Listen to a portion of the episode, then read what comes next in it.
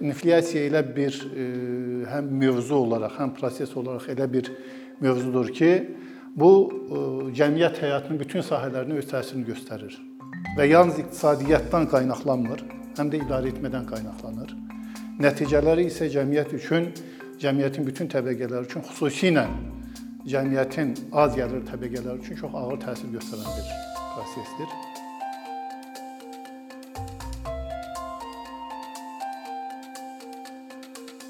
Ümumiyyətlə yəqin ki, ənənəvi olaraq bu sualdan başlamalıyıq. İnflyasiya nədir? Bununla bağlı iqtisadi ədəbiyyatlarda da müxtəlif yanaşmalar ola bilər, ancaq iki yanaşma çox əhəmiylidir. Birincisi, inflyasiya iqtisadiyyatda, cəmiyyətdə qiymətlərin artımını xarakterizə edir. Lakin söhbət hər cür qiymət artımından getmir. Bu ümumi qiymət artımından söhbət gedir. Yəni cəmiyyətdə olan məhsulların, məhsulların qiymətlərində bir ümumi artım var və yaxud məcmu tələb və təkliflə bağlı baş verən prosesləri əks etdirir. Məsələn, e, əgər deyilirsə ki, ötən il rəsmi məlumatlara görə Azərbaycanda 14 14 14,4 faizlik bir inflyasiya var. Yəni bu rəsmi açıqlanmış bir rəqəmdir. Bu o demək deyil ki, iqtisadiyyatda olan, yəni cəmiyyətdə olan bütün mal və xidmətlərin qiyməti 14% artıb. Əslində Biz indi inflyasiyadan səbəblər hesablanmasından danışanda qeyd edəcəyik. Bu hesablanması üsulundan da asılıdır.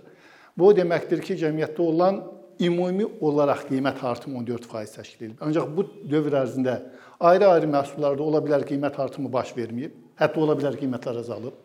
Bəzi məhsullarda qiymət artımı 20% və ondan daha çox ola bilər.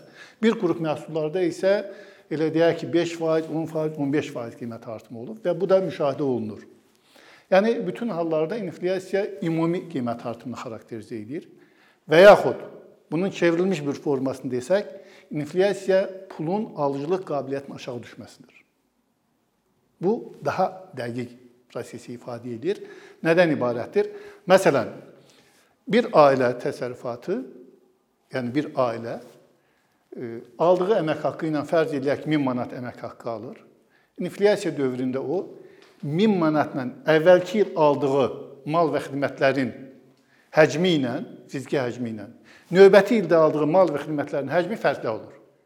Yəni əvvəlki il daha çox 1000 manata mal və xidmət əldə edə bilirdi. Ancaq indi onların fiziki həcmi azalır. Baxmayaraq yenə 1000 manatla bu malı əldə etmiş olur.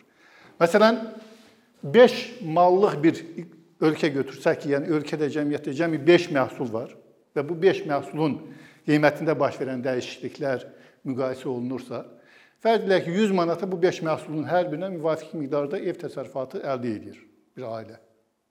Ancaq növbəti ildə, növbəti ayda, daha doğrusu fərz edək ki, artıq qiymətlərin ümumi qalxımı nəticəsində bu mallardan birindən ev təsərrüfatı imtina edib yaxud miqdarı azaldı. Niyə? Çünki digər malların qiymətində qalxım baş verib. Və nəticədə ev təsərrüfatı bu 5 malın 5-dən deyil, onun 4-ündən qaynaqlanır və yaxud 5-ini də alsa onların daha az miqdarını əldə etmiş olur. Ancaq başqa bir hal da ola bilər. Ola bilər ki, bu dövr ərzində bu mallardan birinin qiymətində qalxım baş verib, digər bir malın qiymətinə eyni qədər azalma baş verib. Və bir malla digər malın qiymətindəki bu qalxım enmələr bir-birini tarazlaşdırdığından yenə də onun 100 manat aldığı malların miqdarı bərabər olub. Deməli biz bu halda deyirik qiymət qalxımı baş verməyib. Baxmayaraq ki, bir məhsulda qiymətin artımı olub, digər məhsulda da qiymətin enməsi baş verib. Yəni bu baxımdan nədən və necə baş verməyindən asılı olmayaraq, nədən və necə baş verməyindən asılı olmayaraq biz hesab edirik ki, əgər ölkədə ümumi qiymət artımı varsa, müşahidə olunursa, bu eyni zamanda pulun alıcılıq qabiliyyətinin aşağı düşməsidir və bunun nəticəsində də inflyasiya prosesi baş verir. Bu inflyasiya haqqında ümumi bir məlumat kimi. İndi onun təbii ki, növləri və digər səbəbləri haqqında danışacağıq. Ancaq bir qədər niyə biz onu sosial-siyasi proses adlandırırıq? Buna keçim, sonra keçək onun e, sırf iqtisadi hesablamaları və digər tərəfinə.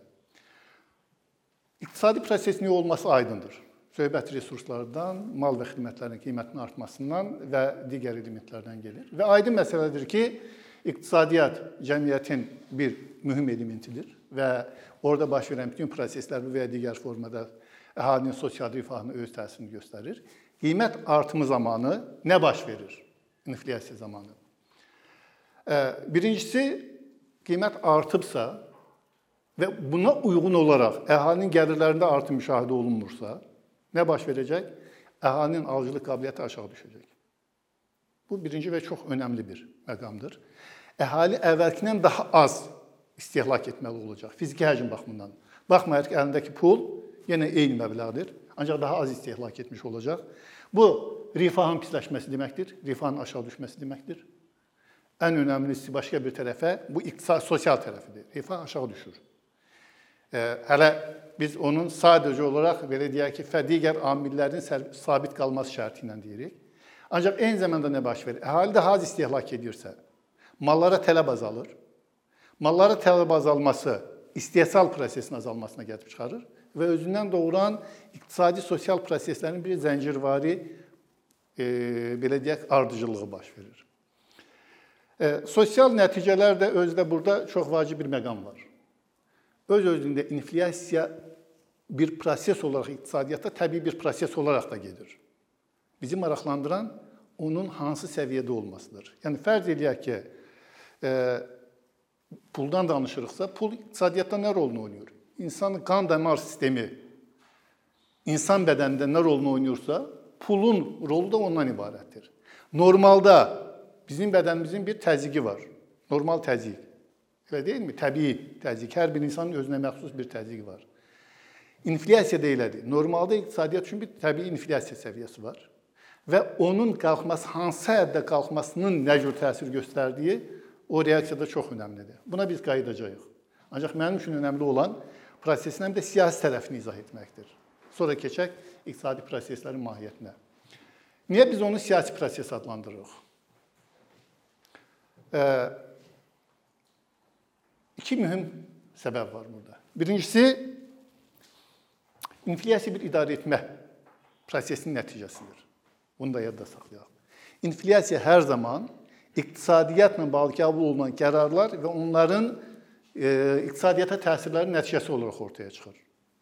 Əgər iqtisadiyyatda idarə etmə prosesləri doğru getmirsə, bu inflyasiya yaradacaq. E, indi mən onu Azərbaycan timsalında da deyəcəm, bu hansı formada özünü göstərir. İkincisi isə inflyasiya dövlətin, hökumətin üzərinə düşən əsas funksiyalardan biri olduğuna görə işsizlik, inflyasiya və sair məsələlər Hökumət hər zaman inflyasiya göstəricində manipulyasiya etməkdə maraqlı olur. Əgər burada müstəqil qiymətləndirmələr yoxdursa. Bu prosesin faktiki üzərindən keçək. Məsələn, rəsmi elan olmuş rəqəmlərə görə ötən il Azərbaycanda inflyasiyanın səviyyəsi 14.4% olub. Əvvəlki il 12% olub. Əvvəlki illər daha aşağı, yəni 2-2.4%lik bir inflyasiya olub. İndi cəmiyyətə biz bunu elan edəndə ki, və yaxud cəmiyyət bu məlumatı eşidəndə ki, ötən il cəmi 14.4%lik bir inflyasiya olub. Reaksiyalar nədən ibarətdir? Axı cəmaət öz cibində bunun tamam başqa bir səviyyəsini hesab edir. Hesab edir ki, yox, qiymət artımları çox. Zaten biz marketlərə gedəndə gördüyümüz qiymət artımı tamam fərqlidir. Elə məhsullar var ki, biz orada 2 qat qiymət artımını görürük əvvəlki illə müqayisədə. Hə, əlavə olaraq hökumət elan edir ki, Ötən il ərzaq məhsullarında 19% artım olub. Qeyri-ərzaq məhsullarında 12% artım olub, təqribən 12%lik bir artım və sair kimi proseslər və nəticədə hardasa orada digər xidmətlər də var və s. var. Nəticədə orta qiymət artımı 14.4% olub. Onda bizim gördüyümüzlə, cibimizdə hiss etdiyimizlə, canımızda hiss etdiyimizlə real baş verən proseslər arasında bir ziddiyyət hiss olunurmu? Olunur. Bəs onda niyə elan olunan rəqəmlər bizə kiçik görünür? Hə, bu artıq inflyasiyanın hesablanması üsulları ilə bağlıdır ki, biz nə deyirik? İnflyasiya ölkədə ümumi qiymət artımını xarakterizə edir. Bundan əlavə də qiymət indeksləri var. Yəni inflyasiyanın qiymət artımlarını öyrənmək üçün bir neçə qiymət indeksləri var. Yeri gəlmişkən onu qeyd edək. Məsələn, ümumi daxili məhsul deflyator deyilən bir qiymət indeksi var. Onun öz məqsədi var. İstehlak qiymətləri indeksi deyilən bir indeks var. Daha çox əhaliyə inflyasiya deyəndə biz burdan danışırıq, istehlak qiymətləri indeksindən. E, istehsalçı, istehsalçıların topdan satış qiymət indeksləri var, müxtəlif növ, yəni və s. var. Yəni bu indekslərin hamısı ölkədə ümumi qiymət artımlarını xarakterizə etmək üçün sahələrdən asılı olaraq. Ancaq istehlak qiymətləri indeksi daha çox istifadə olunan və əhaliyə təsir baxımından önəmlidir. İndi ümumi qiymət artımı il ərzində ölkədə əhali tərəfindən istehlak olunan malların siyahısına baxın. Bu çox geniş bir siyahıdır. Bu malların hansıları qiymət indekslərinin hesablanmasında qiymət səbətinə daxil ediləcək? Nələr və nə qədər daxil edilməlidir? Bu sual çox əhəmiylidir, elə deyilmi? Və burada ilkin manipulyasiya imkanı yaranır. Biz səbətə nə qədər məhsul daxil edək və hansı məhsulları daxil edək? Bu birinci element. Önəmli olan nədən ibarətdir? Bir cəmiyyətin, yəni il ərzində istehlak olunan mallarda xüsusilə əhaliyə təsir göstərə bilən, yəni əhalinin istehlakında daha böyük xüsusi şəkiyə malik malları daxil etməliyik. Məsələn, bu gün Azərbaycanda istehlak inflyasiyanın hesablanması üçün, istehlak qiymətləri indeksinin hesablanması üçün 560-dan e, çox məhsuldan istifadə olunur. 560-a yaxın. Hə, bu 560-a qədər mal və xidmət hamısından əhali eyni dərəcədə istehlak eləyirmi? Təbii ki, yox. Orada elə mal və xidmətlər var ki, əhalinin ümumi istehlakında onun payı 1%-dən belə aşağıdır. Ancaq bu istehlakın aşağı olanlar nə qədərini biz ora daxil edək? Bu sual doğurur. Ayrı-ayrı ölkələrdə e, bu səbətin miqdarı getdikcə aşağıya doğru gedir. Məsələn, qonşu Türkiyədə bu təqribən 300, 300-dən bir qədər 330 məhsul əgər zənni məni aldatmırsa, təqribən belə bir mal və xidmətlər qrupudur. Yəni onların içərisindən daha vacibləri seçilir. Və burdan yaranan bir manipulyasiya elementi var. İkinci bir element ən önəmli element. Bu məhsullar səbətə daxil etdikdən sonra biz müəyyən etməliyik ki, əhalinin istehlakında bunların xüsusi şəklisi nə qədərdir? Xüsusi şəklinin müəyyən edilməsi var hər bir məhsul qrupu üzrə. Bilirikmi o çəki nədən ibarət? Hökumət bunu açıqlamır. Yəni dünya ölkələrinin bir çoxunun, əksəriyyətinin siz belə deyək, statistik komitələrin və yaxud Mərkəzi Bank saytlarına girsəz, siz həmin o istehlak səbətinin, zənbilin, məhsulların tərkibini də görərsiniz, xüsusi şəklərini də görərsiniz. Bizdə bu məlumat açıqlanmır. Hansı xüsusi şəkli ilə daxil edilib? Bu xüsusi şəklin bir balaca dəyişdirilməsi ilə qiymət indeksində biz əlavə bir nəticəni istədiyimiz istiqamətə yönləndirə bilirik. Bu da çox əhəmilidir. Yəni bu ikinci bir manipulyasiya imkanıdır. Və üçüncüsü, eyni məhsuldan çox sayda bazarda təklif olunur. Elə deyilmi? Məsələn, ət. Ən müxtəlif ətlər satılır müxtəlif qiymətlərə. Və yaxud makaron məmulatlarından deyək və yaxud digərindən deyək. Qiymətlərin müşahidə olunması zamanı bunlardan istifadənin səviyyəsi nə dərəcədə doğru qiymətləndirilir? Nə dərəcədə toplanan informasiyalarda bu bu çeşid müxtəlifliyi və o qiymət dəyişikliyi orada öz əksini tapır. Bu da çox önəmli bir məsələdir. Yəni bizə təqdim olunan inflyasiya rəqəmlərinin nə qədər doğru olub-olmaması, qiymət müşahidələrinin nə qədər doğru olub-olmamasından qaynaqlanır. Birincisi, ikincisi hə, artıq bunlar hamısı idarə etmə və hesablama məsələləri kimi görünür. Ancaq burada başqa çox önəmli bir məqam var. İnflyasiyanın səviyyəsinin yüksək olması narahatlıq doğurur. Əhali bunu hiss edir. Ancaq həm də bu bir siyasi proseslərə təsir göstərən elementdir. Hökumət nə qədər işsizlik məsələsi, məşğulluq məsələsi önəmlidirsə, eyni dərəcədə inflyasiya məsələləri var. Bir tərəfdən bu iqtisadiyyatda doğru idarə etmənin təmin iqtisadiyyatda idarə etmənin təmin olunması baxımından, zəruri informasiya baxımından bunun doğru olması önəmlidir. İkinci bir tərəfdən isə inflyasiya səviyyəsinin yüksək olması hər zaman narazılıq yaradır və hökumət hardasa onun daha aşağı səviyyədə göstərilməsinə maraqlıdır. Prosesi aradan qaldırmaq yolu nədən ibarətdir? Bu, yəni belə deyək də, əhalinin yaşadıkları ilə ona təqdim olunan arasında bir ziddiyyət yaranır. Onun aradan qaldırılmasının yeganə yolu nədən ibarət olur? Cəmiyyətdə alternativ qiymət müşahidələri və inflyasiya hesablanması mexanizmləri olur, institutları olur. Biz bu gün bizdə bu gün o yoxdur. Və biz ona görə hökumətin təqdim etdiyini e, məlumatlardan istifadə etməyə maraqlıyıq və bir də öz müşahidələrimizə. Öz müşahidələrimizlə bütün bu prosesləri tam müşahidə etməyə imkan vermir. Yəni bu baxımdan hökumət siyasi qərarlar qəbul etməsi baxımından inflyasiyanın səviyyəsini aşağı salmaqda hər zaman maraqlıdır. Eyni ilə işsizliyin səviyyəsi və digərləri. Çünki hökumət üçün əsas hesabat göstəriciləri bunlardan ibarətdir. Ancaq indi bir inflyasiyanın təsirlərinə gələndə də və niyə aşağı salınmasına maraqlıdır? Bayaqlar dedik. Əslində inflyasiya elə bir prosesdir ki, bayaqlar mən onu qan təzyiqi ilə müqayisə elədimsə, inflyasiyanın təbii bir səviyyəsi var, qiymət artımının ki, qəbul olunur ki, ölkələrdə bu normal bir prosesdir. Əvvəllər 2 dedilər, indi hətta bəzən 3-4%-ə qədər normal təbii inflyasiya hesab olunur. Bu iqtisadiyyata stimullar verir. Bundan əlavə müəyyən bir e, belə deyək, sürüşən inflyasiya və yaxud çox mülayim inflyasiya deyilən bir inflyasiya var. Biz bunu adətən 10%-ə qədər hesab edirik. Yəni bir rəqəmli ifadə olunan. Təhlükəlidir, bu da deyil. Bu da təhlükəli hesab olunmur. Bu adətən məsələn inkişaf etmiş, dayanıqlı iqtisadiyyata malik ölkələr üçün bu artıq yüksək inflyasiyadır. Məsələn, Amerika Birləşmiş Ştatları, Qərb Avropalar üçün 5-6% inflyasiya bu artıq çox ciddi bir inflyasiya hesab olunur. Bizim iqtisadiyyat kimi, bizdəki iqtisadiyyat kimi malik olan ölkələr üçün bu təhlükə hesab olunmur. Niyə? Çünki zaten iqtisadiyyatın mahiyyəti etibarı ilə bu proses qaçılmaz olur. İqtisadiyyatın strukturu tarazlı deyil. Ona görə də burada bu cür qiymət şey və əksinə hətta bu bir qədər də hətta stimullaşdırıcı xarakter daşıya bilər. Baxmayaraq ki, əhali üçün müəyyən ciddi problemlər yaradır. Özdə 5-6%lik inflyasiya bu heç də az deyil, 9%lik heç də az deyil. Ondan sonra bir yaxşı adı var. 4 nala çapan bir inflyasiya deyirlər tərcümədə. Artıq bu 10%-dən çox, 20% çox və hərdəsə illik 20-25%-ə qədər olan bir inflyasiyadır. Bu artıq təhlükədən xəbər verir. Bu təhlükəlidir. Bu iqtisadiyyat üçün doğrudan da iqtisadiyyatda çox ciddi e, natarazlıqların olduğunu xəbər verir və prosesin nizamda saxlamaq çox çətindir. Və nəhayət ondan sonra 100%-dən çox ötən bir inflyasiya varsa, hətta bəzən bu 1000%-ə çatır. Bu hiperinflyasiya adlanır. Elə qan təzyiqi ilə götürsək, baxın, normalda 90, 80-in 120-yə bir insan üçün normal təzyiq sayılırsa, o təzyiq bir balaca qalxan kimi, 130-a qalxan kimi artıq adam özünü narahat hiss etməyə başlayır. 100 135-i zadı keçəndə artıq insanın başı fırlanır, başı gicəllənir. 160-ı keçdisə artıq insanın çox ciddi bir təhlükələri var. Ancaq bəzən görürsən ki, 200-ə də qalxıb onu yaşadan olur. Eyni ilə inflyasiya üçün də bu proses xarakterikdir. Yəni ona görə də təbii ki, hiperinflyasiya şəraitində cəmiyyətlər bunu yaşayıb.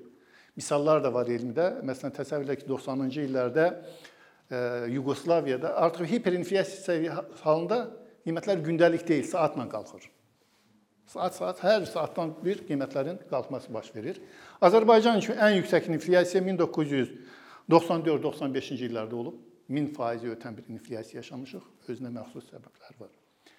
Elə gəlir burada inflyasiyanın yaranma səbəbləri nədən ibarətdir? Nədən yaranır inflyasiya və bu prosesi idarə etmək və yaxud diqqətə salmaq bu qədərmi çətindir?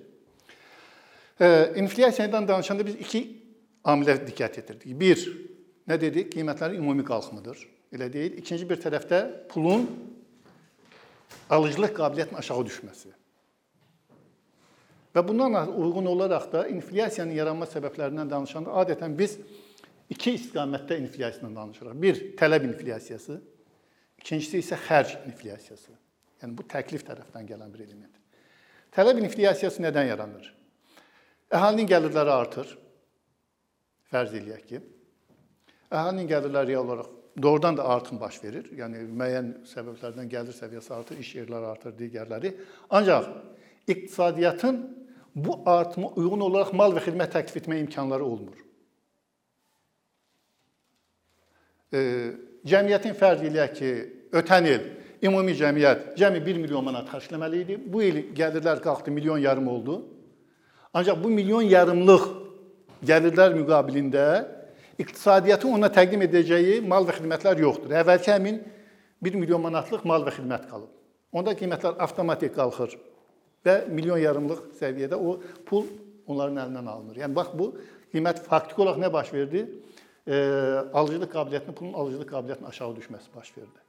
Bu hal mümkündürmü? Mümkündür. Yəni bu halda əmək haqqları istehsaldan, məhsuldarlıqdan daha yüksək artım baş vermiş olur. Zaten bununla bağlı iqtisadiyyatda özünə məxsus bir e, yanaşmalar da var.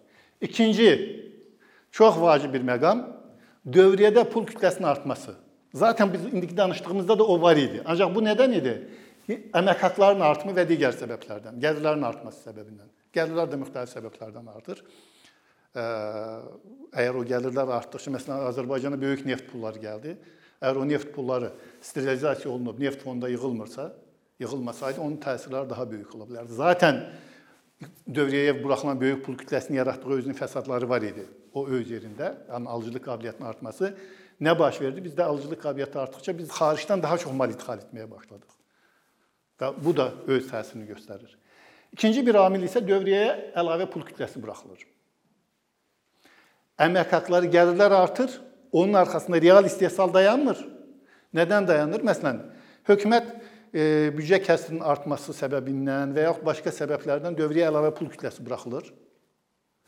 Və bu pul kütləsi gəlirlərin artmasına səbəb olur. Yenə gəlirlərə gəlib çıxırıq. Bu tələbi artırır. Və pul kütləsinin artmasına uyğun olaraq da istehsal artmadığına görə, təklif artmadığına görə qiymətlərin qalxması prosesi baş verir. Monetar amil olaraq çıxış eləyir bu halda. Bu da geniş yayılmış bir hal olur. Bu müxtəlif səbəblərdən olur. Bu bəzən əmək haqqları vaxtlı-vaxtında verə bilmədiyinə görə, pensiyaları vaxtlı-vaxtında verə bilmədiyinə görə Mərkəzi Bankın pul çap etməsi qaçılmazlığından yarana bilər. Yaxud əhalinin gözləntilərindən asılı olaraq pulun dövriyyə sürətinin artmasından yarana bilər. Pulun dövriyyə sürəti artır. Məsələn 2015-ci ili düşünün. Əvvəllər manat dövriyyədən çıxarılır manata etibar var. Möhkəmdir dollara nəzərən. Və dövrəyə buraxılan pulun böyük əksəriyyətini insanlar hansısa formada ya evdə saxlayırlar, ya hansı formada, yəni ehtiyat pul saxlayırlar. Və birdən-birə dolların qalxması gümanı, ehtimalı insanları manatı verib dollar almağa təşəbbüs yaradır və manat kütləsi axır iqtisadiyyata. Və bu manat kütləsi vaxtında dövrədən çıxarılmasa, o qiymətlərin çox kəskin artmasına gətirib çıxara bilər. Bu halda bizim üçün yadınızda saxlayaq, dollar valyuta bizim üçün pul rolunda çıxış eləmir. O bizim üçün əmlak rolunda çıxış eləyir və ona görə də o bizim üçün mal və xidmətlərin alışına bərabər bir proses kimi gedir. Zaten məsələn bizdə ötən ilki hökumətin elan elədiyi 14.4 faizlik inflyasiyanın hökumət deyir ki, bizdə monetar amillərin rolu çox azdır. Proseslərə baxanda da bu az görünür. Hökumət deyir ki, bu daha çox xərc inflyasiyası ilə bağlıdır. Hə, bəs nədir xərc inflyasiyası? Xərc inflyasiyası hə, eyni zamanda hökumət deyir ki, bu yalnız ölkə daxilindən qaynaqlanmır. Bu daha çox xaricdə ölkə daxil ölkədən kənarda baş verən proseslərdən qaynaqlanan idxal olunan bir inflyasiyadır. Bəs bu inflyasiya proseslərinə hökumətin məsuliyyətini azaldırmı? Azaltmır. Niyə biz idxaldan bu qədər asılıyıq? Sual. Əgər idxaldan bu qədər asılı olmasaq, elə deyilmi? Bu qədər qiymət ümumi qiymət artımında bu qədər böyük rol oynaya bilməz. Yəni idxal olunan inflyasiya varsa, bunun bir səbəbi də dünyada baş verən proseslərdən daha çox bizim nə idxal etdiyimizdən bağlıdır. Nə idxal edirik? İdxalımızda üstünlük təşkil edən nədir? İstehlak malları. Hə, bax niyə bu qədər böyük asılılığımız var? Sualın bir tərəfi bundan gəlir. Ancaq bütün halda Xərc inflyasiyası sözün kökündən dayanan söz nədən ibarət? Xərclər artır. Məhsulun bazara çıxarılmasının xərcləri artır. Bu ya ölkə daxilində resursların bahalaşması səbəbindən qiymətin qalxmasını şərtləndirir ki, biz xam mal, materialı daha baha alırıq, topdan satış qiymətlərinin qalxması var, xaricdən gətirilən xam mal materialının qiyməti qalxması var və s. Xərclər artır. Xərclər artırsa biz nə baş verir? Artıq daha yüksək qiymətə bu mal satılmalıdır alıcılıq qabiliyyətinin aşağı düşməsi və bundan doğan bir zəncirvari iqtisadi proseslər var. İkinci bir hal ölkəyə gətirilən malların qiyməti qalxır. İndi ölkəyə gətirilən malların qiyməti nəyə qalxır? Həmin ölkələrdə bu məhsulun istehsalı baha başa gəlir. Bir, mümkündürmü? Təbii mümkündür. İkinci hal biz idxal etdiyimiz məhsullara əlavə rüsumlar və digər elementlər qoymaqla qiyməti qaldırmışıq. Bu da mümkündür, elə deyil? Zaten bizdə baş verir. E, məsələn, siz dünyanın heç bir ölkəsində Dövlət Gömrük Komitəsinin dövlət büdcəsinə olduğu, məsələn, o üzərinə düşən məhsul olduğu vəsaitin artımını məsələn biz 30% artıq dövlət büdcəsinə pul yığmışıq deyə Dövlət Gömrük Komitəsindən belə hesabat görməzsiniz. O ancaq bizdədir. Gömrük Komitəsinin funksiyası fiskal funksiya deyil. Heç bir halda o ölkənin sərhədlərinə gələn məhsulların təhlükəsizliyini qorumalıdır. Nəzarət etməlidir. Siz niyə dövlət büdcəsinə vəsaitin doldurulması ilə bağlı, daha çox vəsait cəlb etməsinə bağlı fəxr edirsiniz? Bu onun funksiyasına aid deyil. Yəni Burada da çox önəmli məqam var. Ölkəyə gətirilən malların qiyməti ya xaricdə məhsul istehsalı baha başa gəldiyinə görə qiymət qalxıb, ya da onlar ölkəyə daxil olarkən onlara əlavə hansısa xərclərə başa gəlir, rüsumlar artırılır, şapkalar artırılır, digər nələrsə, nələrsə bu qiymət baha başa gəlir. İnflyasiyanın yaranma səbəblərinin ortaya çıxarılması çox önəmlidir. Çünki inflyasiya ilə mübarizə aparmaq üçün, anti-inflyasiya siyasətini həyata keçirmək üçün biz onun əsl səbəblərini bilməliyik. Və bu baxımdan da təbii ki, ən vacib məqama gəlirik. İndi yenə mövzunun təbii genişliyi imkan vermir bütün detallarına varaq. Bəs necə bu inflyasiya ilə mübarizə aparmaq lazımdır? Təbii ki, e, tarazlı iqtisadiyyat şəraitində adətən inflyasiya prosesləri böyük olmur.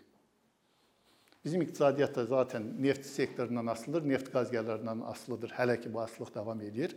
İqtisadiyyatın strukturunun özü, hətta bir qədər belə deyək də, Azərbaycanda istehsalda pul e, pul dövriyyəsində böyük bir hissəsi Bakı-Sumqayıt ərazisində formalaşıb. Regionlarla bağlı çox ciddi e, natarazlıqlar var tarazsızlıq var və s. belə deyək ki, bu özü inflyasiya yaradan bir prosesdir. Ancaq inflyasiyanın qarşısının alınması zamanı onun səbəblərini bilmək nəyə xidmət edir? Çünki bir var ki, anti-inflyasiyanın təsirlərinin azaldılması, özdə inflyasiyanın təsirləri çox böyük olur. Yəni inflyasiyanın faiz dərəcəsi artdıqca, inflyasiya 10%-dən yüksək qalxanda nə baş verir? Cəmiyyətin yoxsul təbəqələrinin yenidən yoxsullaşması prosesi baş verir pulların yeni gəlirlərin yenidən bölgüsü baş verir və inflyasiyanın ən böyük təhlükəsi ondan ibarətdir ki, inflyasiya dövrlərində pul yoxsul təbəqələrdən varlı təbəqələrə axır. Niyə? Çünki yoxsul təbəqələrin əldə etdiyi gəlirlər o belə deyək ki, daha çox sabit gəlirə bağlıdır. Ancaq həmin o varlı özəl sektor digərlərinin, yəni o böyük pul gəlirlərinin onlar daha çox onların gəlir əldə etmə imkanları, gəlir əldə etdiyi e, mənbələr inflyasiya prosesinə uyğun olaraq orada qiymətlərin qalxması və onların gəlirlərinin artması prosesi baş verir. Yəni bu baxımdan inflyasiya 10%-dən artanda cəmiyyət üçün çox ciddi sosial problemlər yaradır. İndi inflyasiyanın təsirlərini artırmaq, azaltmaq üçün nə olmalıdır? Həmin o yoxsul təbəqələri imkan verilməlidir ki, o kompensasiya olunsun. Onlara verilən müavinətlər artırılmalıdır, pensiyalar artırılmalıdır, əmək haqqları artırılmalıdır və biz bu artımın müqabilində istehsalı artıra bilməyəcəksə nə baş verəcək? Yenə qiymət artımı yaradacaq. Və ən vacibi o qiymətlərin, inflyasiyanın, əmək haqqlarının artımı haqqında söhbət başlayan kimi psixoloji təsirlər öz rolunu oynayır. Onun psixoloji təsiri daha tez özünü göstərir, nəinki o qiymətin artması. Yəni bu inflyasiyanın təsirlərinin azaldılması baxımından atılan addımların ziddiyyətli xarakteridir. Ancaq bir də var ki, inflyasiyanın özünün anti-inflyasiya tədbirləridir. Bu da iki qrupa bölünür. Qısa müddətli dövr və uzun müddətli dövr. Qısa müddətli dövrdə anti-inflyasiya tədbirləri daha çox məsələn dövriyyədən pul kütləsinin sıxışdırılması və monetar amillər vasitəsilə həyata keçirilə bilər. Hökumət pulun qiymətini qaldırır. Yəni necə hökumət deyəndə üzr istəyirəm, Mərkəzi Bank onun səlahiyyətindədir. Yəni o uçaq dərəcəsini qaldırmaqla pulun qiymətini qaldırır faiz dərəcəsindən. Pula olan tələbatı azaldır. Kommersiya banklarının daha az kredit verə bilməsi üçün belə deyə ehtiyat normalarını artırır. Yəni bu klassik pul kredit adətləri vasitəsilə istifadə edir. E, və ona görə də tələbin azaldılması tələbin azaldılmasına nail olur. Hə, bunun da əks təsiri var. Pul qiyməti qalxdısa, pul təklifi azaldısa, kredit alma imkanları azalır. İstehsala bu təsir göstərir. Düzdür. Burada da çox önəmli məqam var. Bizdə bütün kreditləşmədə istehlak kreditlərinin payı hardasa 60%-ə çatır. Zaten böyük bir faiz şəklisidir. Yəni istehsal kreditləri az. Ancaq onunla belə bu faizin qalxması istehsal kreditlərinin də azalmasına, öz növbəsində investisiya fəallığının azalmasına və son nəticədə yenə də inflyasiya proseslərinin güclənməsinə aparıb çıxarır amil olur. Ya şey asal. Ona görə də inflyasiyanın əgər biz inflyasiya proseslərinin qarşısında davamlı olaraq bir davamlı iqtisadi şəklini almaq istəyiriksə, bu uzunmüddətli hadisə proseslər burada çox əhəmiylidir. Bunda yol nədən keçir?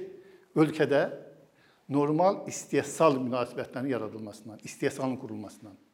Yəni xidmət keyfiyyəti ilə bağlı istehsal sahələrinin geniş daha çox inkişaf etməsi, e, elə istehsala nail olmaq, orada xidmət şey məhsulun qiyməti daha aşağı olacaq.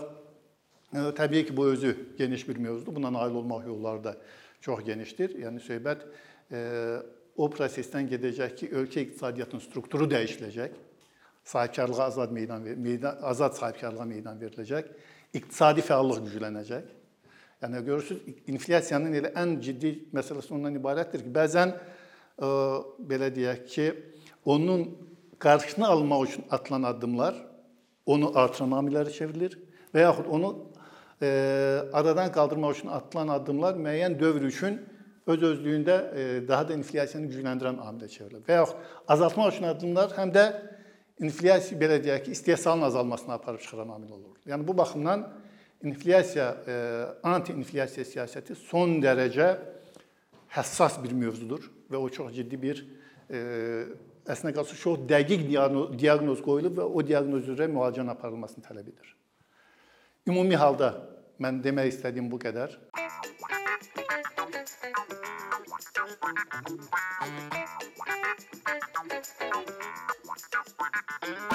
you.